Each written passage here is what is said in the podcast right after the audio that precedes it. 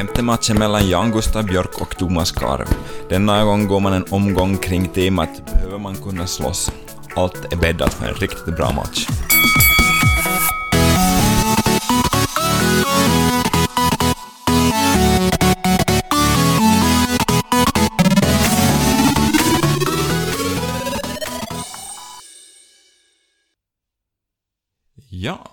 Välkommen till femte avsnittet. Tänk att det har hunnit gå så många avsnitt sen, sen vi körde igång med vår podcast. Och eh, i min andra, eller i andra ringhörnan så hittar vi Jan Gustav Björk som vanligt.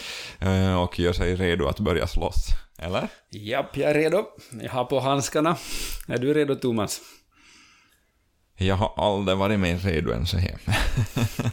Det låter som att det här blir en bra fight. jag tror det, jag tror det. Eh, nytt avsnitt och nya möjligheter. Alltid gott med dig, Hannas? Ja, det är bra att få vara här. Jag ser fram emot vad vi ska diskutera idag. Det blir spännande att se vilken vändning allting tar. Ja. Och eh, idag kommer vi att eh, komma in på ett tema som eh, du alltså har skrivit en bok om, eller magasin som du själv kallar det för ett par avsnitt sen eh, i, tidigare program. Och eh, vad handlar boken om? Mm. Det handlar inte om kampsport, sådär. Men det handlar istället om uh, vår vardag. Och det handlar om föräldrars vardag, och då speciellt pappors vardag. Att få vardagen att fungera tillsammans med um, barn, familj, jobb och sådär. Och de praktiska tips som pappor har berättat åt mig att vad de använder för att få vardagen att fungera. Det är de jag skriver ner och deras berättelser. Så vi skulle alltså kunna säga att det här blir nyttigare tips än vad du får från kramaga eller eh, judo eller eh, karate eller vilka kampsporter som nu kan finnas. Mm. Testa! Ja. Om du berättar så det kort, varifrån fick du, fick du idén att uh, göra en sån här bok?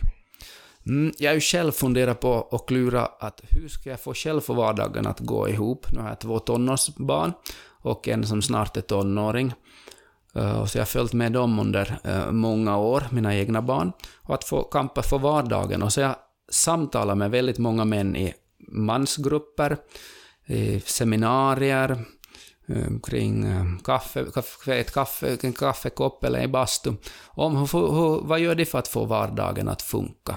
Mm. Och det har blivit många goda samtal och många skratt åt varandras misstag och um, ja, plumpar. Ja. Uh, och uh, så du, man kan säga då att du har inte kommit på alla de här tipsen som finns i boken själv, utan... Nej, min avsikt var att, att alla tips som finns där måste vara liksom testade och, och prövade av mm. vanliga män som jag känner uh, i min omgivning eller som finns på något sätt, som kan, kan berätta om det här, eh, hur de gör det, så att det inte är teorier om hur man får vardagen att funka, utan ja, så här funkar det för mig, och så här får jag det att fungera. Mm. Måste man vara man för att kunna läsa boken? Nej, det måste man inte vara, men jag har medvetet samlat mäns berättelser och mäns perspektiv på att få vardagen att funka. Mm.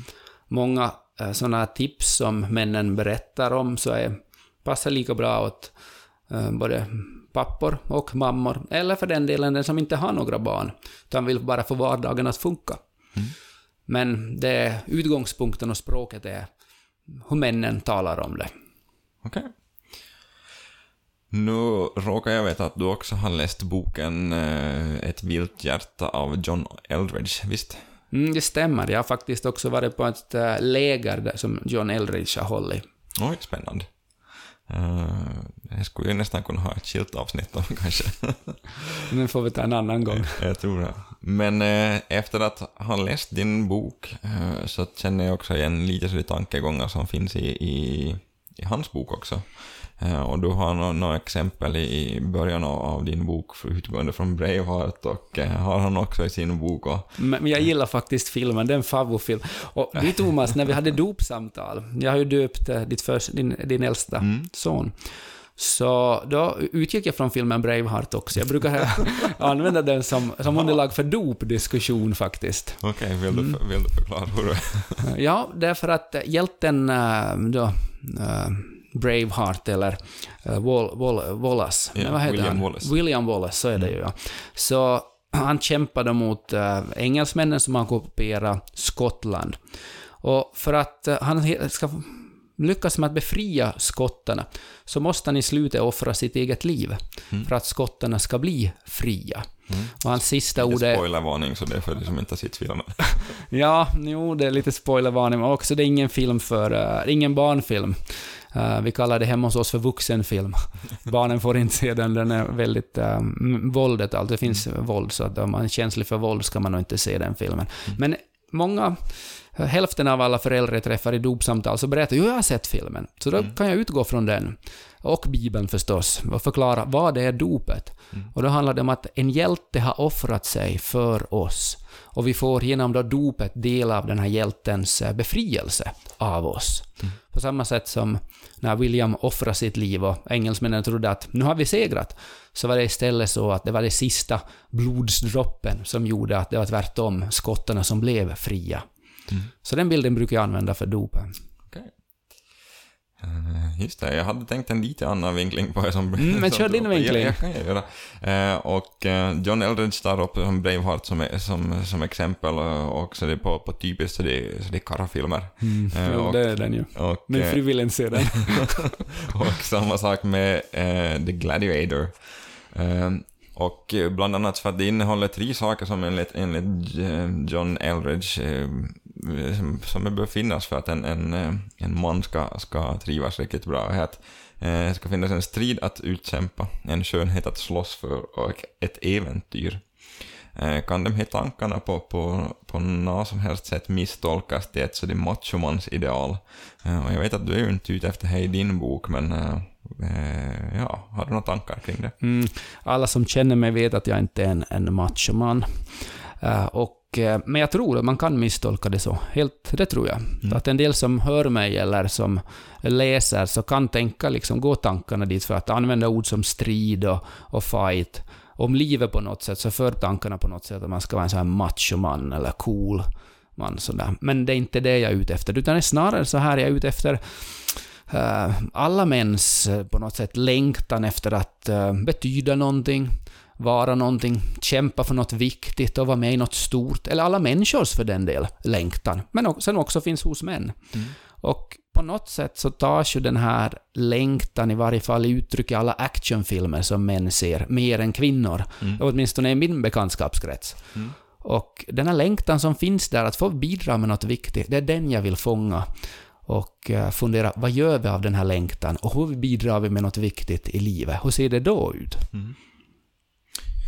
Behöver jag kunna slåss alltså, så är namnet på ett av kapitlen och eh, en av rubrikerna och så också det är podcastavsnittets namn idag. Eh, varför vill du ta upp ett sånt avsnitt i, i din bok? Mm, ja, det är egentligen det jag sa redan, jag vill fånga den här längtan. Mm. Eh, väcka den här längtan efter att få, få vara med i någonting viktigt och, och för väldigt långt idag så behövs inte mannens styrka, att inte behöver man en man vara stark idag. Vi har verktyg som gör att om man ska bygga eller konstruera något eller reparera något som kan bidra med styrka. Uh, inte heller behöver de flesta arbeten en, en, en, en styrka. Mm. Men ändå har män uh, generellt sett en, en viss procent mer muskelmassa än kvinnor. Att, vad ska den användas till, den här styrkan då? Uh, eller all testosteron som kan finnas i snurrande i kroppen. Mm. Att, vad, vad är poängen med den? Och idag tror jag att många män är lite vilsna, så vårt samhälle har inget liksom vettigt uttryck för det. Vad man ska använda den här styrkan, energi som finns. Så därför, det är mest ett problem. Män skapar problem med att vara våldsamma eller använda styrkan fel. Mm. Sådär. Hur ska vi använda den rätt då? Mm, jag vill uppmuntra både mina flickor och min, min son att använda styrkan på ett bra sätt. Och jag, jag tänker, jag har varit tränare i Jaro eh, ett år. Eh, men följt med liksom om barnen som tränar och, och där på något sätt är det tillåtet i hockey eller fotboll eller sådär att ähm, använda sin styrka och där uppmuntrar också tränarna till att vara fysiskt stark, att använda styrkan på ett bra sätt. Mm. Så jag tror att äh, fysisk sport av olika slag som är lite så här utmanande kan träna en att att också få utlopp förstås för all, all energi, men också att träna en att använda styrka på ett, ett bra sätt. Mm. vilket kanske inte ett klassrum kan. För det är begränsat, för liksom, det, det är en helt annan miljö att vara på en, en, en miljö som är... Du kan röra dig och vara väldigt fysisk hela tiden. Absolut. Eh, en fråga som har, har kommit in eh, efter, efter ett av våra avsnitt så är att hur man som hemmamamma eller hemmapappa ska få tid för, för egen gudsrelation och så det som småbarn, småbarnsförälder. Eh, då du har fullt upp att, att slåss mot vardagen, så det, som du beskriver. Jag minns, så som du var inne på, er, för, för fyra år sedan så var du och döpt vår, vår äldsta son. Och, och jag minns att du sa till oss och påminde oss om att eh, Elias är en gåva till oss. Eh, att eh, De, någonting- de flesta kommer inte ihåg ett ord av en predikan jag har haft. Jag är mycket imponerad, Thomas. Ja, jag är lite imponerad själv faktiskt också, men, men eh, ja, skämt åsido. Men, men eh, att det är någonting som, eh, att vi har fått han till låns av Gud. Och jag tror att det här kan vara en, en viktig så det påminnelse många gånger under, under småbarnsperioden också, så vi har fullt upp att ta hand om barnen och laga mat och köra till träningar och eh, köra till dagklubbar och springa på föräldramöten och så vidare också. Och man försöker ge någon slags kristen fostran åt, åt barnen också under tiden.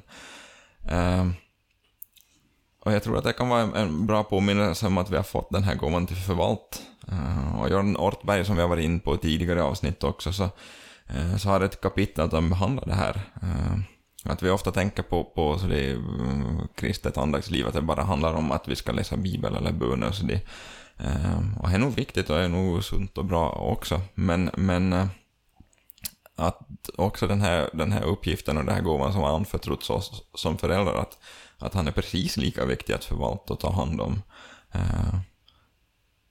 Att inte kristen tro bara handlar om att gå och sätta sig i sitt hörn och läsa Bibeln, utan att, att eh, leva ut det i vardagen också. Och, och eh, jag tänker också att det här att vi tar hand om våra barn, att det är precis lika viktigt. Eller? Absolut. Och eh, ibland blir kristen tro, och du och jag kan också liksom beskyllas för det tror jag, att vi gör kristen tro till något passivt. Alltså man Mm. läser Bibeln, man ber, och det är någonting sådär som inte, det händer inte så mycket, Absolut. kan man ju tycka på, som från utifrån sett. Men jag tycker det händer väldigt mycket när man läser Bibel och ber. Men här då, att vara förälder är ju väldigt något liksom så otroligt konkret. Mm. Att det... och, och, och våra tips pa- passar kanske inte så riktigt bra. Eh, jag har själv varit hemmapappa i flera omgångar och, och liksom när man då ska göra, trösta ett barn, göra mat, eh, och, och samtidigt eh, se, få, få, att få dem på kläder på någon och sådär. Det är fullständigt kaos. Så att liksom tugga långsamt och att gå långsamt, det går ju inte att få tag i, utan där handlar det om att lära sig att göra många saker samtidigt och att i handlingen, liksom där är det att eh, vara vän mot Gud. Att det är som, det här jag gör nu, det här är mitt liv nu och här är du med. Vilken ilska jag måste ha funnits hos vissa föräldrar efter att ha hört på våra avsnitt om att tugga långsamt. ja, Gustav, kan ha ett sånt råd. Ja, jo, ja, ja, ja, det ska vara intressant att se att efter att man har lyssnat på den podden, hur många småbarnsföräldrar skriver ut sig i kyrkan. Men det är ju inget bra sätt att protestera och, och, och slåss på att, ju att skriva ut sig, utan det är ju att, att inte ta ansvar för att förändra. Mm. Men eh, vad man backar tillbaka till att liksom, va, hur då slåss man, hur handskas man med det tillvaron? För den känns ju som en fight många ibland. Att barnen är ens fiende när liksom vägrar att äta fast det är liksom blodsockret är hur lågt som helst och man inser så för det, men ät! Så du liksom, så lugnar du ner det blir allt bättre. Och får hålla på i 45 minuter med att försöka övertala någon att äta som, som verkligen behöver äta men inte fattar det själv. Mm, då är livet verkligen en fight ibland. och, och där så är det, behöver man ju som, inte på något sätt kämpa mot ens barn, vilket är ibland felaktigt man hamnar att göra, utan för dem. Mm. Och, och för det här livet som allra tätast och intensivast med barn. Att hur får man det att funka? Och tyvärr är också skilsmässofrekvensen lite större just efter andra barnet. För jag tänker att liksom, och jag förstår det, Mm. att det, att det kan vara så för att eh, det är så tufft att få det att gå ihop. Man hinner inte få tid med varandra och sådär.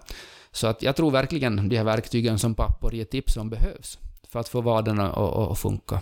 Praktiska enkla tips. Mm. Praktiska tips sa du och eh, Det finns ju kolossalt med mycket eh, pra bra praktiska tips tycker jag också i den här boken. Eh, som är användbart för föräldrar. Och eh, om jag säger namnen på några av dem i rubrikerna så testar Ja. jag lite hur, hur, hur kunskapen om egen bok. Eh, om jag säger så är bevara, kommunikation, bevara kommunikationen med barnets mor. Ja. Och det är ju denna en av den stora utmaningen med små barn i huset. Mm. Att otroligt många gräl har jag haft med, med min fru därför att eh, när vi inte haft tid. Mm. Onödiga gräl. Därför att vi har varit trötta Mm. och inte orkat helt enkelt. Och inte haft tid att kommunicera. Och, ja. Jag kommer inte ett till gräl efter att du tar upp det här i podden så det är officiellt va?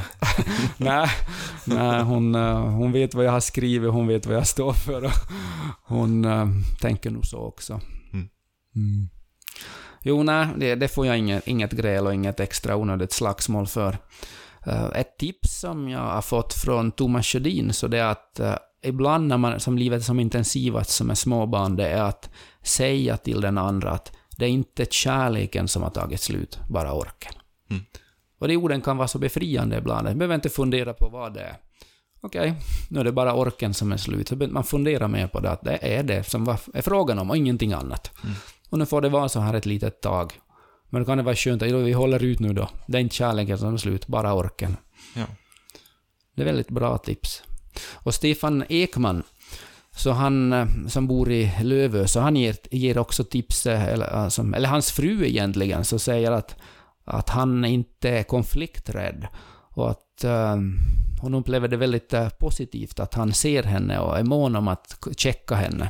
Mm. Så han ger också det rådet att eh, när han har fyra barn, alla ganska små, många, för, mm. under tio år allihopa och två tvillingar och ett, en liten krabat. Så ha- han ger, ger tips eh, att eh, han, han checkar liksom situationen. Han jobbar nu, hans fru är hemma Mm. nu just med den minsta.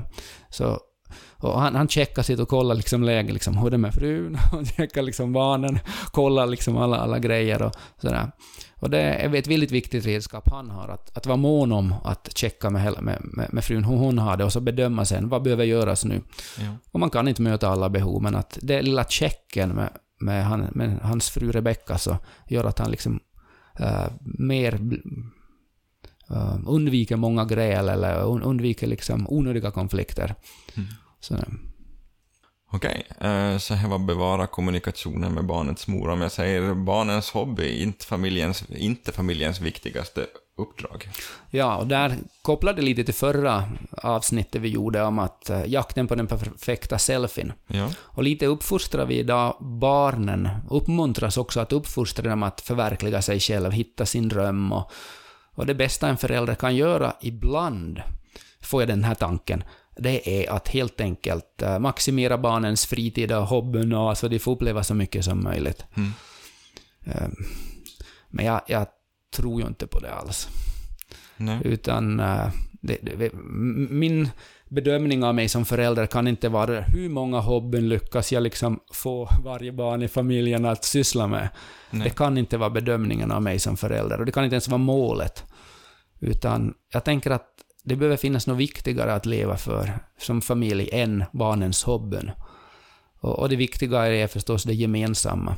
Och det brukar min, eh, min son är då yngst och han förstår när vi säger ibland dra gränser att nu kan du inte vara på den här hobbyn just idag, för idag behöver vi en vilodag eller en familjedag. Mm. För en eh, familj och en mamma och en pappa måste få tid för varandra. För att tycka om varandra, orka med varandra. Och han förstår det. Fast han tycker inte om det. För han kan spela så mycket fotboll och så mycket hockey som bara går varje dag. Men vi andra orkar inte med det. Ja, och det här kanske är en bra påminnelse också oavsett om man är förälder eller inte också för, för egen del att, att uh, hobbyerna kanske inte är viktigast som vi har i livet. Nej. Det är det ju inte. Tänker jag. Nej. Um, hur tänker liksom dina... Du är ju ungdomsledare, Thomas. Hur tänker dina ungdomar kring det? Är liksom deras hobbyn det, det viktigaste de har? Eh, jag vet inte om jag bara ska, ska utgå från, från det, men jag tycker nog också alltså det är överlag att vi, vi lägger väldigt mycket fokus på hobbyer och springer från eh, från sak till sak utan att stanna upp någonting själv också och fundera efter att hur man ska orka. Eh, vilan behövs. Mm. Och eh, vi har väl varit in på bekräftelse i flera avsnitt egentligen. Och jag tror också att det har blivit lite så att vi söker igen vår bekräftelse från, från att vara upptagen. Ja. Det väl lite en trend att säga att jag har, har inte tid, Ja. jag har så mycket. Och det har vi nog också många gånger.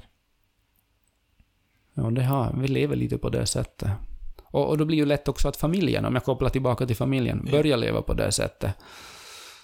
Att eh, maximera. Men det var som en person sa till mig, att eh, om vi lever utan marginaler i, en familj, så vad gör vi sen när, när någonting pajar? Mm. Och eh, ja, det säger jag nu till mig själv, för nu håller jag på med mycket just den här hösten. Det sa jag just till dig innan vi började med det här avsnittet. Så, jo. Marginaler är en, en bra sak också igen. Mm. Så, men som vi tycks ha väldigt lite av i vår tid. Mm. Konstigt nog. Ja. Det finns en, nu är jag osäker, jag skulle gärna ge, creds åt den här, den här pastorn som sa, jag minns jag lyssnade på ett GLS-föredrag för... eh, Och det är ju en ledarskapskonferens du Ja. talar om nu ja. Ja. Mm, som du har varit på. Ja, 2000, 2014, ja, bra, Ja. bra poäng. Han sa i alla fall att vi, vi kan inte alltid ge allt, för då har inte vi någonting kvar att ge. Det Mm. tycker jag också som är en så det är bra, bra bild, att man ska aldrig någon gång ge 100% för då finns inte någonting kvar att ge. Ja, just det. Det är nog svårt att tänka. Jag brukar ofta ge mig helt och hållet in i det jag gör. Ja, Och så är jag sån där, jag är en sån där on-off människa. ja. Mm. Det var ett bra tips till mig, men hur jag ska praktisera det vet jag inte. Nej, låter fint i teorin i alla fall. ja, men jag tror det, det ligger mycket i det. Ja, absolut. Men sen hur man får det ner, var och en får ner det på sin nivå och kan an, använda det, det är en annan sak. Mm. Ja. Om jag säger eh, hjälp barnen att utveckla sunda vänskapsrelationer, vad säger du då?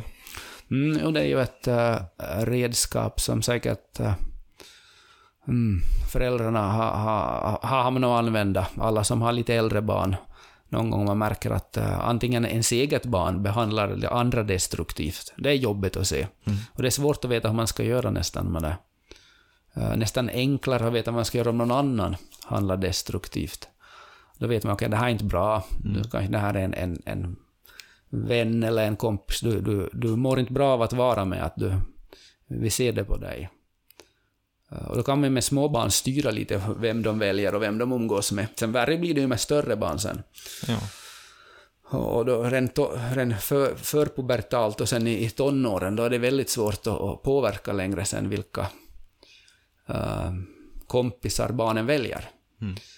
Eh, men där tänker jag att det, och så länge vi föräldrar har en, en, ett samtal med barnen så man kan prata om det, så finns det ju en möjlighet också att eh, påverka och se hur de blir påverkade av de relationer som de just nu är inne i. Mm.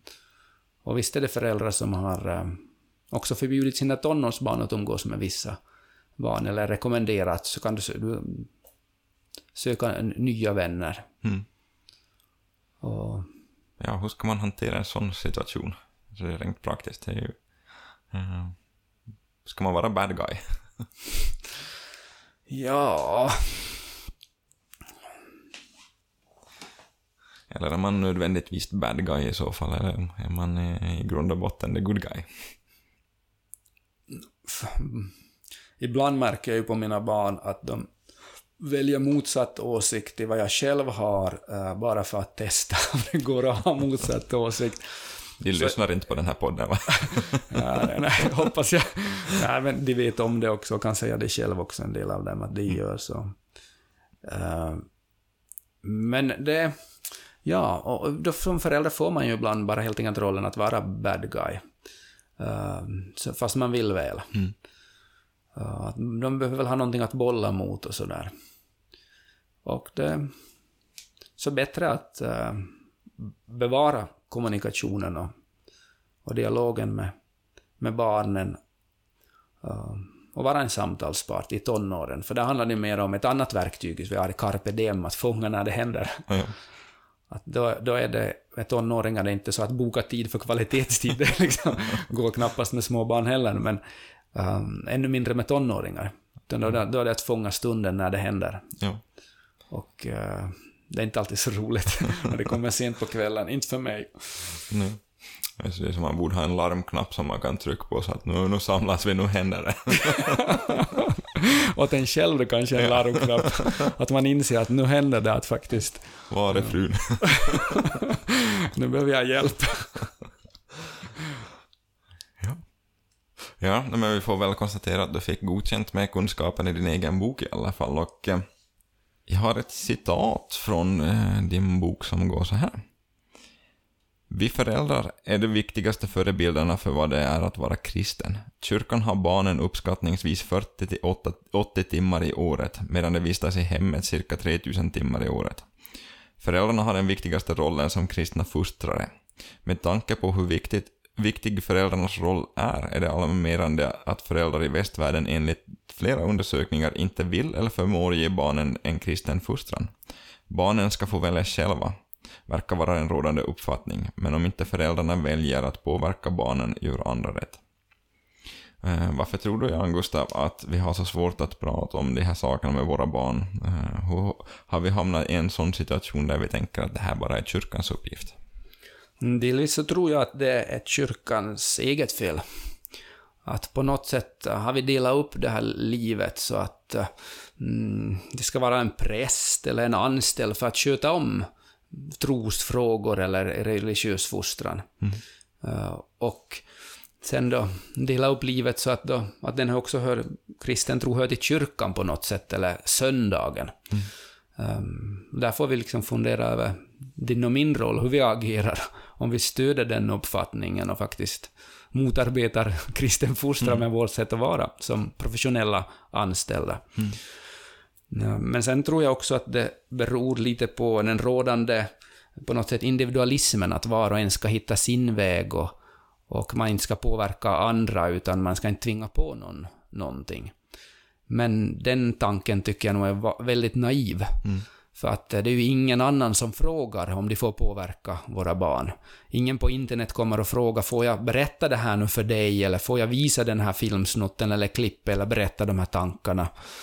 Och inte kommer heller eh, kompisarna hem till oss och knackar dörr och frågar att nu kommer jag att vara med er, er pojke eller er flicka. Är det okej att jag påverkar lite och med, med någonting mm, och sådär. Ingen annan frågar ju det, utan det är ju självklart att man bidrar med den man är och det man har lärt sig av livet och, och det man kan och sådär. Och de erfarenheterna och, och sådär så klart vi vill vårt bästa för vårt barn. Ja. Då behöver vi också ge allt det vi har lärt oss och stödja barnet på allt sätt för att klara sig i livet. Också på trons område. Att hitta redskap för att få en sund mm, tro som hjälper en i livet och som inte är nedbrytande och, och destruktiv. Eh, hur mycket tror du att, att eh, rädslor för att inte ha svar på de här frågorna själv påverkar att inte vi vågar diskutera tro så mycket med våra barn? Det finns säkert som en hel del. Mm. Att eh, man kanske upplever sig att man inte riktigt vet eller kan, eller så. Så det största man kan göra är att gå en egen upptäcktsfärd, som förälder där. Att själv eh, upptäcka det som finns i, i, i tron och om man tillhör en, en kristen kyrka i tron på Jesus Kristus och vem han är. Mm. Och han har ju fascinerat som ingen annan och en bra början att vara lite fascinerad av honom. Och det, man behöver inte så mycket mer än att, att man har upptäckt någonting hos Jesus som man är fascinerad av. Och så det de här små sakerna som spelar roll. Uh, med enkla rutinerna i, i, i vardagen. Som aftonbön med barnen, läsa bibel, berätta barnens bibel. Och sen om man har släktingar eller själv, att man får vara med om saker. Någonting som har varit viktigt för en. Än att man bett en bön och tycker att man, man har fått någon hjälp av Gud. Eller att man har um, funnit tröst eller, eller liksom blivit hjälpt, av, har upplevt ledning på något sätt av Gud. Berätta det för barnen. Då ser de att oj då, det här är någonting som också berör mamma och pappa. Ja. Uh, Okej, jag, jag är tvåbarnsförälder och eh, jag har två söner alltså med, som är fyra och ett år. Eh, och har du några så det, eh, om du skulle välja ut de bästa tipsen nu, eh, till mig och min fru Jenny, vad, vad kan vi göra? Vad ska vi göra? Mm. Något litet ofta, en stort sällan. Mm. Det ska vara något så här lite så det är möjligt att göra det. Eh, Inga stora liksom, såna här religiösa projekt. Och barnen så tycker jag inte heller om stora religiösa projekt. De vänder sig att vad är det här för någonting. Men det som är eh, något lite och som eh, du, du prövar och testar som förälder. Mm. Eh, och som kan återkomma ofta som en sån där enkel, som ramar in och barnen säger att det handlar om vardagslivet. Det är nog det enkla, eh, bästa. Och sen när barnen har någonting, det är sån där rutintips. Och det motsatta då om, om barnen helt enkelt eh, har någonting de funderar på eller är oroliga för att om man vågar be för barnet så blir det en väldigt enkel bön. Att du ser nu eh, min eh, pojkes oro inför den här skoldagen. Var du med honom Jesus? Amen. En sådana enkla saker så, så är de här som öppnar upp barnen för att också förvänta sig att eh, det inte ska klara allting själv, utan att det också kan finnas någon större som är med i vardagen. Ja. Eh, Och nu den allra, allra största frågan. Har du lyckats med alla de här tipsen själv? Det här är snarast en bok som handlar om mina misslyckanden. Jag berättar om ganska många misslyckanden i, i boken. Och ett av misslyckanden som jag börjar med och som jag börjar berätta för andra pappor och testa liksom på om de klarar av att möta verkligheten hos familjen Björk som den är. Och det var att eh, när barnen var små, nu de är ändå närmare tonåringar allihopa, nästan, så eh, de var liksom, hade gräla och jag liksom ville få lugn på dem. Och, och, och det lydde inte, vi hade städ, jag satte dem i soffan. Tror jag, nu sitter ni där och nu lugnar ni ner er och så ska jag göra i ordning. Um, det var typ uh, kvällsmat av något slag, det var något enklare jag skulle göra i ordning. Så jag, jag tog tag i en blåbärsliter förpackningen i ett kök, jag var så arg så jag smällde den ner i väggen. Och, och, och liksom med den påföljden att både uppåt och neråt så spricker förpackningen och det sprutar ut med enormt tryck och så upp i taket och eh, ut på golvet. Så att det bokstavligen tog många timmar att städa upp allt och barnen kom ju och tittade på det och sa ”men pappa”. och det bästa av allt här, hörs jag ännu Thomas? Ja. Ja, det bästa av allt. Så det är ju att, liksom att, att vi väldigt lång tid så hade vi fläckar, två fläckar kvar i taket. Jag fick inte bort allt, jag hade missat två fläckar. Så de kunde ju berätta åt gäster som kom, titta, ser du den där blåbärsfläcken där? Berättade de åt gästerna, ja, det, vet du, jag ska berätta hur den kom dit.